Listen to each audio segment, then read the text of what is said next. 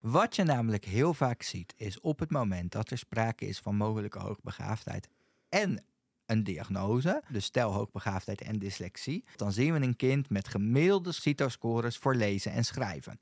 En dan denkt een leerkracht misschien, oh, dit kind presteert dus gemiddeld.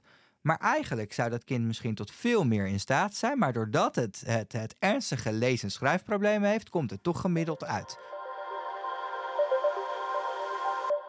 Welkom bij de Pearson Podcast. In deze podcast nemen we je mee in de wereld van diagnostiek en behandeling binnen de geestelijke gezondheidszorg. Ik ben Meerte Wildenbeest, psycholoog en productadviseur bij Pearson en ik interview professionals uit het werkveld om antwoord te geven op vele brandende vragen.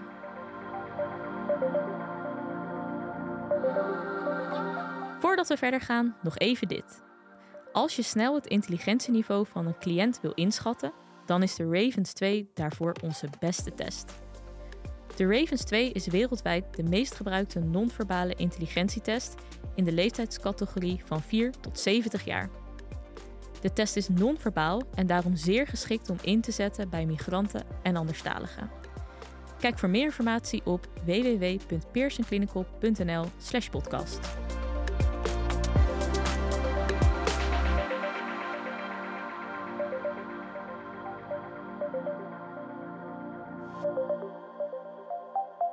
Welkom bij deze nieuwe aflevering van de Pearson Podcast. We gaan vandaag de volgende vraag beantwoorden. Dat is namelijk: welke misdiagnoses zijn er bij hoogbegaafdheid? En uh, ja, ik kan wel zeggen dat we vandaag een uh, echte expert op het gebied van hoogbegaafdheid uh, in de studio hebben. dat is Bart Vogelaar. Welkom Bart, leuk dat je er bent. En nou, ik zou zeggen, stel jezelf vooral eventjes voor. Ja, nou, ik ben dus Bart Vogelaar, dat wisten jullie. Ik werk bij de Universiteit Leiden als universitair docent bij de vakgroep Ontwikkelings- en onderwijspsychologie. Ik uh, weet denk ik wel iets over hoogbegaafdheid. Ik ben erop gepromoveerd. en ik, uh, ik doe ook wel eens dingen voor de, de RITA-opleiding uh, voor uh, specialist hoogbegaafdheid van, het Radboud, van de Radboud Universiteit. En ik werk ook als psycholoog in de praktijk en ook wel veel met, heb veel gewerkt met hoogbegaafde kinderen. Oké, nou leuk dat je er bent. Dan ben jij eh, de uitgelezen persoon om deze vraag te beantwoorden, denk ik. Ik hoop het. Ja, ik, nou, ik uh, weet het wel bijna zeker. Um, laten we beginnen met een, eigenlijk een mhm. beetje een basisvraag. En misschien kan je in het kort uitleggen wat hoogbegaafdheid nu is. Ik weet dat het een moeilijke vraag is ja, misschien, maar... dat is het. Ja. Ja, want dat is eigenlijk iets waar we het met z'n allen niet over eens zijn. Dus uh, dat is gelijk al heel lastig. Uh, maar wat we wel weten tegenwoordig is dat hoogbegaafdheid, naast dat het ook nog eens een hele hoge intelligentie betreft, ook betekent dat uh, kinderen, of volwassenen ook, bijvoorbeeld een hoge mate aan creativiteit hebben, taakvolharding. Dat is het model van Renzulli hè, met de, de, de, drie ringen. En dat hoogbegaafdheid ontstaat in het samenspel van die drie ringen. Maar we weten daarnaast ook um, dat het niet hoeft te betekenen dat die kinderen of volwassenen op alle domeinen in het leven moeten uitblinken. Tegenwoordig gaan we ervan uit, um, in één of meerdere domeinen heb je de potentie om uit te blinken. En afhankelijk van je omgeving, de omgevingsfactoren en afhankelijk van wat je zelf doet om die potentie te ontwikkelen, kan zich dat gaan ontwikkelen tot uiteindelijke talenten. Zo noemt mm Gagne dat dan. Die zegt, hè, je hebt gifts, aangeboren vaardigheden. Hè, en die kunnen zich ontwikkelen tot talents. Dus die zou, zou, je kunnen zeggen. Um, verzilvering van die aangeboren potentie die je hebt. Ja, en wat is er nodig voor de verzil verzilvering van die talenten? Een uh, heleboel. Sorry. Ja. Een heleboel. Dus je hebt het nodig dat er mensen in je omgeving zijn uh, die daarin geloven en die je steunen. Denk aan ouders, maar denk bijvoorbeeld ook aan mentoren of docenten. Het is nodig dat je. Um, zelf ook iets doet. Dus dat je dat ontwikkelingsproces op gang brengt. Dat je er tijd in steekt, energie in steekt. Um, dat je goed kan omgaan met tegenslagen. Het is ook belangrijk dat je jezelf kent als leerder. En dat je weet hè, dat je doelen kan stellen. Dat je daarmee om kan gaan. Dat je uh, een beetje doorzettingsvermogen hebt. En ook, heel makkelijk gezegd, dat er ook uh, mogelijkheden zijn om te gaan ontwikkelen. Dus dat er mhm. bepaalde provisies, voorzieningen zijn, hè, die jou in staat stellen om die uh, potentie te gaan verzilveren. En dan heb je natuurlijk ook nog iets als toevallige omstandigheden. Hè? Want stel nou dat ik de potentie heb om de aller, allerbeste schaker ter wereld te worden. Ik zeg maar even iets. Ja. Hè? Maar ik heb een ongeluk. En daardoor beschadigen mijn hersenen. Ja, en dan is dat stukje misschien niet meer mogelijk. Nee. Hè, dus kans, toevalligheden speelt ook een grote Ja, rol. dus ook een beetje geluk hebben misschien. Ja. Ja, ja oké. En steeds meer weten we hoe belangrijk die omgeving is. En dan hebben we het over school, dan hebben we het over leeftijdsgenoten en dan hebben we over het gezin en de familie eh, in de Ja. grotere sense of the word. Oké, Ja. nou, dank je voor deze, voor deze beknopte uitleg. Want ik weet dat er nog veel meer over te vertellen is. Hè? Ehm, eh, mijn vraag is inderdaad ook van ja. ehm, nou, jij benadert natuurlijk vanuit eh, jouw eh, kennis als professional. Ehm, maar zijn er ook vooroordelen die er heersen in de maatschappij over mensen met of mensen die hoogbegaafd zijn? Zeker. Er zijn een heleboel misconceptions. En zoals dat Ja. vaak genoemd wordt in de, ehm, in de wetenschap. En er zijn ook heel veel impliciete theorieën over hoogbegaafdheid, wat het zou kunnen zijn. Mhm. Hè, waar mensen inderdaad allerlei vooroordelen op baseren. Ja, ik denk dat er één daarvan is dat hoogbegaafden een soort Einsteins zijn. Hè, die heel goed zijn. eh, soort eh, nerds, eh nazi-professors, hè, verstrooide Ja. professoren. Die heel goed zijn in datgene wat ze doen, maar verder sociaal absoluut niet vaardig zijn. Nou, dat is wat mij betreft echt een heel groot eh, misverstand. Want dat is absoluut niet het geval. Zeker niet alle hoogbegaafden zijn zo. Er zijn heel veel verschillen. Dus dat Mhm. is een belangrijke. Een andere belangrijke om te benoemen vind ik ehm, het stukje sociaal-emotionele vaardigheden. Omdat er vaak ook eh, kan worden gesteld, nou, hè, dat kind is, is heel slim of is hoogbegaafd. Dus heeft slechte sociale vaardigheden. Dat is ook absoluut niet, eh, niet het geval. Er zijn veel meer eh, nuances daarin. Hè, Mhm. En de andere is, ja, het kind is, is hoogbegaafd, dus is overal heel goed in en kan alles zelfstandig. Nou, ook dat blijkt ook onder andere uit mijn onderzoek, is gewoon niet zo. nee, Hè, het nee. zijn ook kinderen en zij leren net als alle andere kinderen van en met anderen. En, en die vooroordelen zitten die nou zodanig in, in de maatschappij dat bijvoorbeeld iemand eh, die dan, nou ja, eh, eh, nou, misschien niet te horen krijgt, die is hoogbegaafd, maar die dat dan weet op een gegeven moment. Ehm, ja, hebben die mensen zeg maar de vooroordelen ook soms geïnternaliseerd? Ja. Dat ze dan, ja, Soms wel, zoals dat eigenlijk altijd een Mm. beetje gaat met labels. Hè, dat is natuurlijk met bijvoorbeeld het, het, het ASS-label of het ADHD-label ook. Ja. Je, je gaat dat toch op een bepaalde eh, manier internaliseren en dan kan het een self-fulfilling prophecy worden. ja precies. Ja. Hey, en ehm, om even terug te pakken hè, op, de, op, Mhm. de, op de allereerste vraag, dus welke misdiagnoses zijn er? Ehm, voordat we die vraag gaan beantwoorden hoor, nog even een andere Mhm. vraag. Want wordt hoogbegaafdheid ook wel eens over het hoofd gezien? Zeer zeker.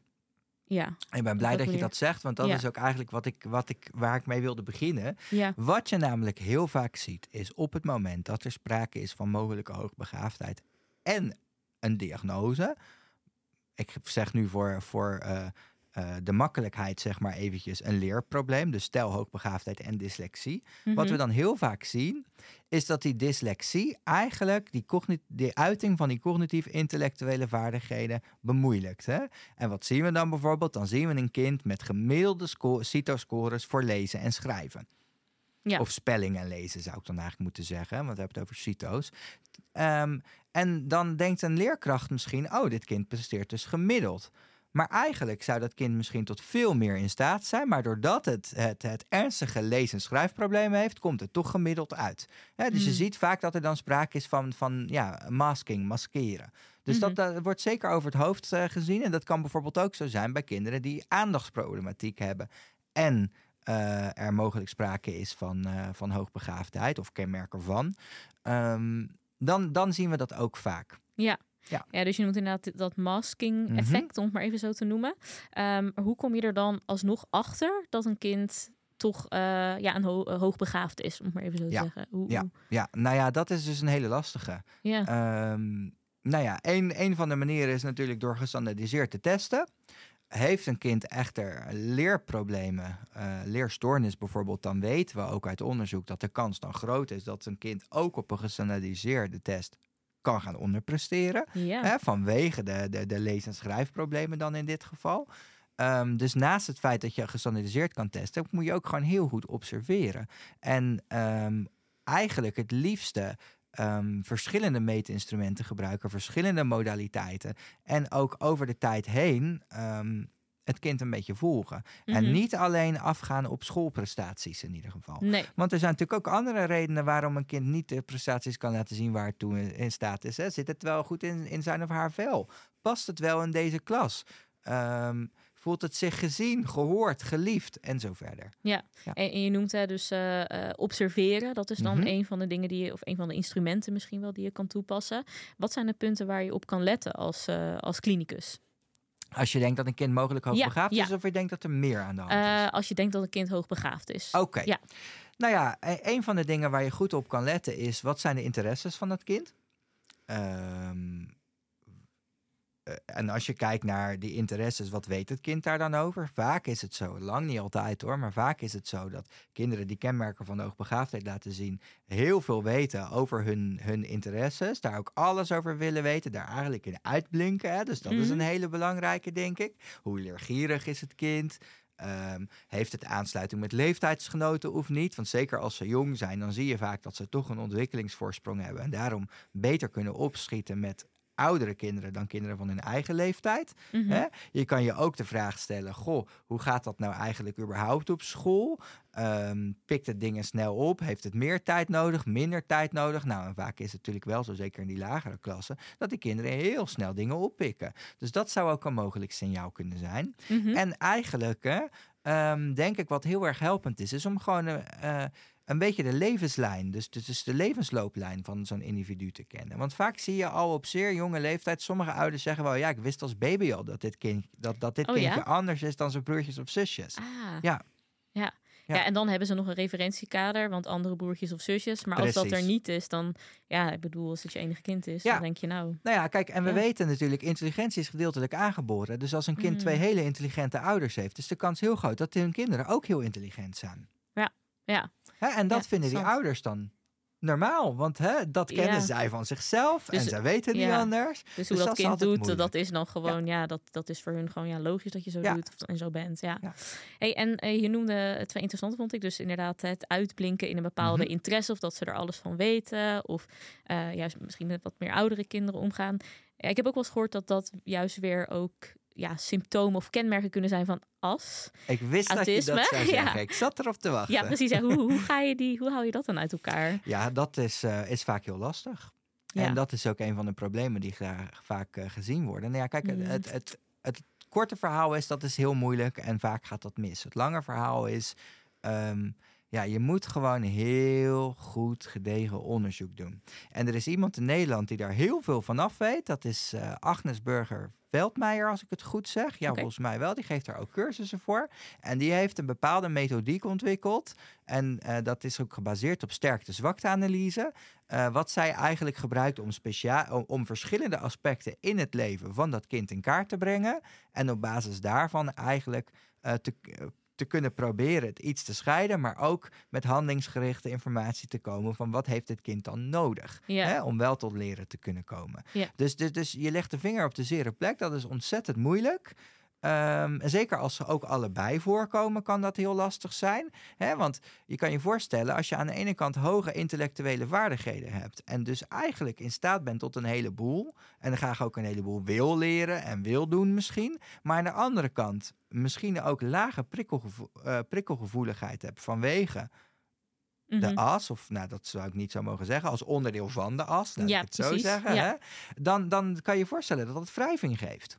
En dat is voor zo'n kind vaak heel moeilijk. En hetzelfde geldt voor een kind met dyslexie en hoogbegaafdheid. Want wat is nou de sleutel om in ieder geval hè, ehm, iets minder last te hebben van die dyslexie? Oefenen, oefenen, oefenen, oefenen, oefenen. Inslijpen, inslijpen, inslijpen. En Hm. natuurlijk is het meer dan dat, hè? Maar even heel erg in een notendopje komt het daar vaak op neer. En wat vinden kinderen met hoogbegaafdheid nou heel moeilijk? Is het een vraag aan mij? Of, eh, eh, Eigenlijk een retorische Ja. vraag, maar je mag hem beantwoorden. was het automatiseren? Juist. Ja, ja. En oefenen, oefenen, oefenen. Dat Ja, willen ze ja. niet, vaak. Nee, nee. Het is een beetje natuurlijk een, genera- een overgeneralisering, hè? Maar over het Hmm. algemeen vinden ze dat niet zo leuk. En als ze iets kunnen, willen ze weer verder. Ja, Hè? precies. En daar zit dus heel erg wrijving. En dat Mhm. maakt ook vaak voor die kinderen dat ze heel erg eh, ook met zichzelf in de knoop kunnen zitten. Ja. Want als ik dan zo slim ben, waarom lukt het mij dan niet? Ben ik dan wel zo slim? Of ben Hmm. ik gewoon raar? Of hè, in die zin. Nou, op zich begrijpelijke vragen waar de kinderen mee zitten. Ja. En hoe ga je daar als behandelaar nou mee om als een kind dat zo teruggeeft en jij weet van hè, er speelt zowel en Ja. eh, eh, hoogbegaafdheid als een as of dyslexie. Ehm, ja, wat, hoe kan je als behandelaar daarmee omgaan? Nou, ten eerste denk ik dat het heel belangrijk is om heel veel ruimte te geven voor uh, uitleg. En dat het er mag zijn. En dat je gewoon heel erg veel tijd moet besteden aan dat stukje. Dus het Mhm. gaat met name, denk ik, eerst om de bewustwording. Dat ze ook heel goed begrijpen dat hoogbegaafdheid niet betekent dat je alles helemaal goed zelfstandig moet kunnen. Mhm. Dat is punt één. Dat het ook niet betekent dat je overal goed in moet zijn. Dat, het ook, dat je ook gewoon een kind bent en dat je ook gewoon hulp nodig hebt van anderen. Dus dat ze eerst heel goed begrijpen wat hoogbegaafdheid inhoudt. Dan is het natuurlijk zaak dat ze goed begrijpen wat die andere diagnose precies inhoudt. En dan dat je uitlegt hoe dat eh, eh, elkaar kan versterken. Of juist kan compenseren. Nou, Ja. dus eigenlijk is dat gewoon heel simpel, denk ik. eh, ehm, in ieder geval de eerste stap. En Ja. daar ook gewoon ruimte voor geven en weer opnieuw eh, op terugkomen en opnieuw en opnieuw.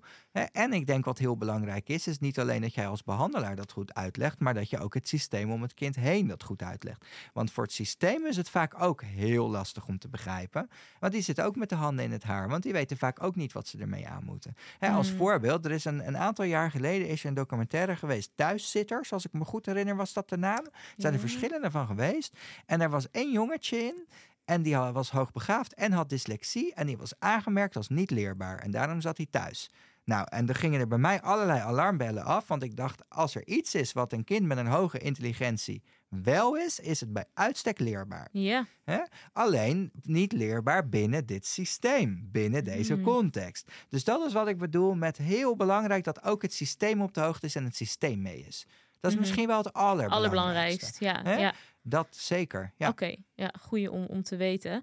Hey, en we hebben het nu gehad ook even over, over assen, dyslexie. Mhm. Ehm, maar ja, is het wel eens zo dat eh, er echt een misdiagnose wordt gesteld? Dus dat het in plaats eh, dat ze zeggen dat de hoogbegaafdheid wordt ontdekt, zeg maar, dat ze dan een ander, eh, andere stoornis, of nou, niet de hoogbegaafdheid een stoornis is, Ja. maar dat er dan een ander label op wordt Ja gepakt. hoor, zeker. Het wordt vaak niet gezien. En welke labels worden er dan vaak? Nou, dat zie je vaak met ADHD. Dan wordt vooral de ADHD gezien, Mm. maar niet de hoogbegaafdheid. Je ziet het ook met AS. Dan wordt de AS gezien en niet de hoogbegaafdheid. ja. Eh, met leerproblematiek is het soms iets anders. Namelijk dat er gewoon gezegd wordt, ja, dit is een gemiddeld lerend kind. Hè? En dan worden Mm. allebei de diagnoses worden eigenlijk over het hoofd gezien. Soms heb je de ene, soms de ander. Maar dat gebeurt heel vaak. En hoe, er, hoe erg is dat nou, als het altijd over het hoofd wordt gezien?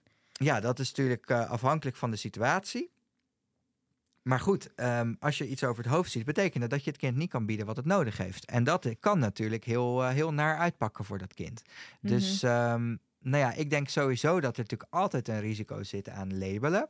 Nou, Ja. hè, dat, dat weten we inmiddels allemaal, denk ik wel. Ehm, maar dat het wel heel belangrijk is bij deze kinderen dat ook die hoogbegaafdheid wel, of in ieder geval, hè, of je het wel of niet hoogbegaafd noemt, even, wil ik even dan nu vanaf staan, maar dat je wel erkent dat ze ook andere kenmerken hebben. Dus bijvoorbeeld een hoge intelligentie of veel creativiteit of en zo verder. Dat dat niet over het hoofd wordt gezien, want anders geef je ze iets in het onderwijs bijvoorbeeld wat niet aansluit. Ja, oké. dus dat is iets wat heel belangrijk is ja, volgens jou. zeker ja, weten. Ja. Hey, en ehm, heb je nog eh, tips aan professionals, ja, zodat, zij, zodat zij niet zomaar zo'n hoogbegaafd of hoge intelligentie over het hoofd kunnen zien? Wat, wat zijn tips die je zou mee, mee kunnen geven? Goed observeren en luisteren en kijken naar het kind en de omgeving. Ja, Ehm, er zijn allerlei factoren waarom dat er niet uit kan komen. Onder andere natuurlijk, hè, bijvoorbeeld eh, eh, ehm, eh, een stoornis, dat zou kunnen. Maar het kan ook veel lichter zijn dan dat. Hè. Het kan ook gewoon zo zijn dat de context niet aansluit bij het kind. Mhm, Of het kan ook zo zijn dat het kind vanuit de omgeving eigenlijk geleerd heeft lekker niet opvallen. Hè? Dat kan ook. Of het kan ook zijn dat het kind, eh, om welke reden dan ook, dat zelf heel spannend vindt. Of heel angstig is geworden vanwege nare ervaringen. Dus met name goed kijken, goed luisteren. En eh, goed aansluiten bij wat dat kind eigenlijk aangeeft. Want vaak kunnen ze het zelf best wel heel goed aangeven. Dus ga je informatie verzamelen vanuit verschillende kanalen, vanuit verschillende systemen. Dat eigenlijk is heel belangrijk. ja. En verschillende kanalen, daarmee bedoel je eh, verschillende mensen spreken of ook. Ook. onderzoek doen? Of hoe? Ja, dat kan. Maar ook met name je niet blind staren op bijvoorbeeld alleen wat school zegt. Of alleen wat, wat ze thuis zeggen. Hè? Ja. Eh, maar dat je echt die verschillende perspectieven eh, meeneemt. En dat je ook naar eh, ehm, de ontwikkeling van dat kind in het groot kijkt. En, en wat nou als school A zegt, ouders B, kind C, Ja, hoe maak je daar nou nog wat van? Wat, wat, wat kan je dan doen? Komt ook wel eens voor, denk ik, toch? Nou, dat komt zeker voor. Ja. En dat zijn ook hele ingewikkelde casussen over het algemeen. Nou, dan is het een kwestie, denk ik, van heel goed kijken en observeren. En ehm, nou ja, zou ik ook wel wat aanvullende diagnostiek doen om te kijken of je wat dat betreft in ieder geval hè, eh, de vinger op de zere plek kan leggen, om het zo maar te zeggen. Ja. Ehm, en als je echt twijfelt, zou ik het voorleggen. ja. Gewoon bespreken eigenlijk met de betrokkenen van... eh, Nou, hè, eh, vanuit ja. school horen we eigenlijk dit. Jullie zeggen iets heel anders. Maar eh, Klaasje of Pietje of eh, Fatima zelf zegt weer iets heel anders. Hè, hoe zien jullie dat? Hoe kan dat? ja. Nou, Ja, zou ja, gewoon bespreken. Ja. En wat, wat levert dat dan op? Heb je dat wel eens meegemaakt? Wat voor resultaten Oh heb je ja, dan? nou, dat levert vaak een hoop verwarring op Ja. aan het begin. Ja, Nee, maar uiteindelijk is wel mijn ervaring dat het ervoor kan leiden dat in ieder geval de neuzen weer dezelfde kant op staan. Mhm. En ze hoeven heus niet met elkaar eens te zijn. Dat, maakt, dat is niet mijn doelstelling, maar wel dat we in ieder geval een beetje de roze olifant hebben benoemd. Hè? Want Ja. anders blijft het bestaan en wordt er niet zoveel mee gedaan. nee. En ik denk dat het gewoon heel belangrijk is om het te benoemen en te kijken of je daar in ieder geval de neuzen dezelfde kant op kan krijgen. Want in, in wezen hebben we allemaal dus hetzelfde doel. Namelijk, dit ene kind willen we gewoon dat hij goed in zijn vel zit en dat hij zich eh, eh, positief ontwikkelt. ja. En dat heeft een ouder als doel, dat heeft een school als doel, dat wil het kind zelf ook. Ja. Hè? En ik denk dat het gewoon vooral belangrijk is om eerst allemaal weer terug te gaan naar dat gemeenschappelijke doel. Los van of we wel of niet diagnose gaan stellen, of los van of we wel of niet gaan zeggen: je hebt een hoge intelligentie, of, of je hebt dit of je hebt dat. Maar los daarvan, eerst belangrijk: wat is ons doel? Staan we allemaal aan dezelfde kant en van daaruit verder bouwen? Oké. Nou Bart, dankjewel weer. eh, ik vond het een mooie eindconclusie. En het is ook weer tijd, dus dat komt helemaal goed uit. Dus eh dankjewel voor al je informatie. Vond je dit een interessante podcast? Volg dan ons kanaal, zodat je op de hoogte blijft van nieuwe afleveringen. En deel de podcast gerust met je collega's als je hem interessant vond. Wil je een vraag insturen of jouw feedback met ons delen? Dan kan dat via pearsonclinical.nl slash podcast. Daarnaast hebben we ook een speciale actie voor onze podcastluisteraars. En deze is te vinden op dezelfde site, dus pearsonclinical.nl slash podcast. Tot de volgende keer!